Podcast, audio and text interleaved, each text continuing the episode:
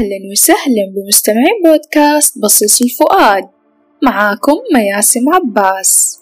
هذا البودكاست يبث لكم من قلب مكة إلى العالم.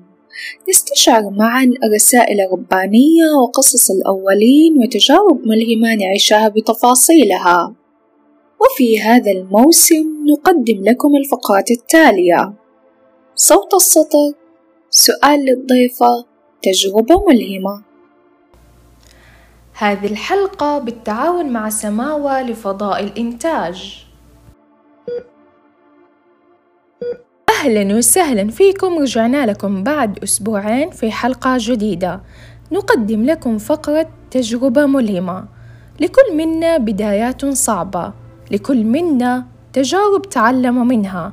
لكل منا قصة نجاح يرويها لكم. دائما نرى الناجحين وهم في آخر مرحلة من رحلتهم. ولكن ماذا عن المراحل السابقة؟ وضيفتنا في هذه الحلقة منال مطر طالبة جامعية وروائية. فلنسمع منها الحكاية. أهلا وسهلا بك عزيزتي مياسم وبمستمعيك الكرام. بداية أشكرك جدا على مبادرتك وأتمنى أن يكون وجودي معكم لهذا اليوم ماتع. وذو فائدة ويحمل الكثير من الإلهام. للإجابة على سؤالك الأول ما هو حلمك؟ حلمي كان وما زال الكتابة ثم الكتابة ثم النشر. ولله الحمد. أستطيع قول أنني لم أصل بعد لكني صعدت درجات عديدة من السلم وما زلت منغمسة بعقبات هذا الحلم. في الحقيقة وعلى الرغم من أنني وضعت على عاتقي أن يكون هذا البودكاست مليء بالإيجابية وأتمنى أن يكون شعور الأمل هو الطاغي على حلقتك لليوم لكن لا يخفى على الكثير بأن لكل حلم عقبات لذلك التحفظ هنا سيكون به شيئا من المثالية. فدعيني أكون كما عهدت نفسي صريحة. بداية واجهت عقبة البيئة التي نشأت بها. بيئة لا يجدر القول بأنها بيئة محافظة بقدر ما كانت منغلقة. حاولت فيها جاهدة في صنع نفسي إلى نقطة الانطلاق. ومن ثم أيضا كان هناك عقبة خلفية الثقافية المعدمة آنفا بحكم أنني نشأت في عائلة أمية وتعيش في معزل عن المجتمع. وحينما اكتشفت بداية خيوط موهبتي لم أكن أعلم بأنها ستوصلني لأن أكون مؤلفة. وبالمقابل لم أجد بوقتها موجه أو داعم أو أي شيء يدفعني لتنمية موهبتي. كل ما كنت أستطيع فعله بتلك الفترة هو الكتابة. كنت أكتب بشكل عشوائي ظنا بأنني أكتب نتيجة تأثري بقراءاتي للمجلات والصحف فهذه كانت حدود قراءاتي آنذاك. مع الأيام رأيت أنني أتطور وتلامسني الأحداث التي في حياتي أو أي موقف أمر به أو يمر به أحد أفراد عائلتي أو أحد أصدقائي. بفترة مرض والدي استطعت أن أعبر عن الحزن. أما بوفاته فكانت بمثابة لحظة الانفجار والإلهام الحقيقي لقلمي. بعد عام من الاستمرار بالكتابة كنت أشعر بأن كتمان ما أكتبه يخنقني وإن فكرة النشر تحررني من هذا الشعور. فبدأت بفكرة النشر عبر التطبيقات وأنشأت حساب باسم مستعار. ووجدت دعما هائل لم أكن أتوقعه بصراحة من أشخاص لا يعلمون من أنا. بل وحتى أهلي وأقاربي وأصدقائي ليس لديهم علم بهذا الحساب. وجدت حينها الدعم وليس فقط الدعم بل التعليم أيضا بفضل من الله وتسخيره. عرفت بتلك الفترة قيمة القراءة فكثفت منها وبت أنتقي وأبحث وأتعمق وأبحر في هذا العالم الساحر. كان شغف جديد ومرحلة ممتعة في حياتي واستمريت لفترة سنوات على هذا النحو من التثقيف الذاتي. ومن ثم أخيرا فكرت بالنشر الورقي بأن يكون لي مؤلف يحمل اسمي وحرفي. كانت النية إصدار كتاب من نوع نصوص لكن شاء القدر بكتابة رواية بعنوان واستبق الباب. ونشرت عام 2019 ومن ثم توالى الشغف وأصدرت العام الذي يليه رواية أيضا بعنوان ذبح عظيم. عام 2020 ميلادي.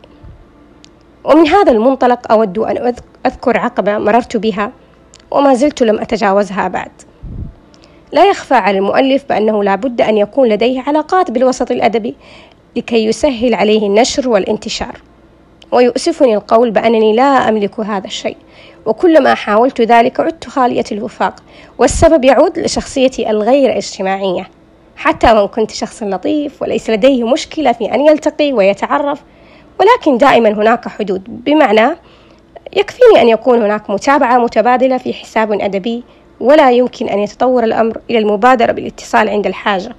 فأنا شخص خجول وأتحرج من الطلب ولن أكون راضية عن نفسي ولو فعلت ذلك.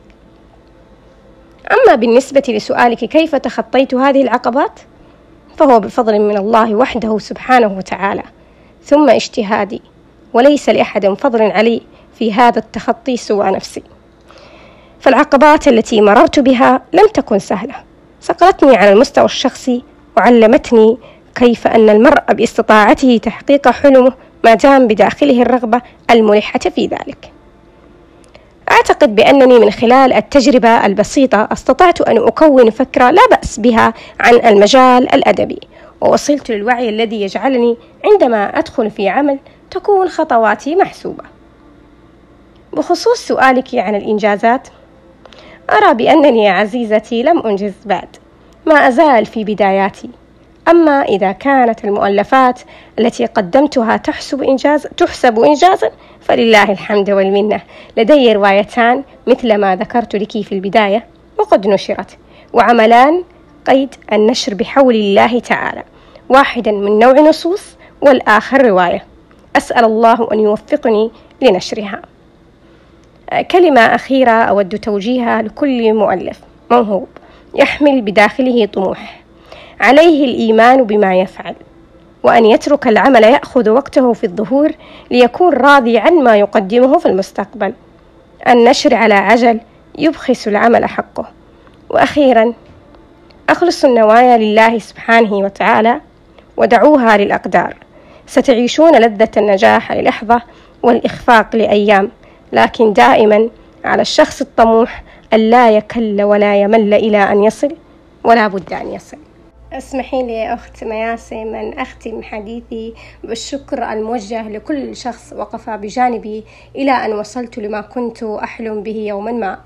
هناك من وقفوا بجانبي وما زالوا يثبتوا لي بسمو أخلاقهم بأنني شخص يستحق الدعم. أود أن أخص بالشكر والفخر.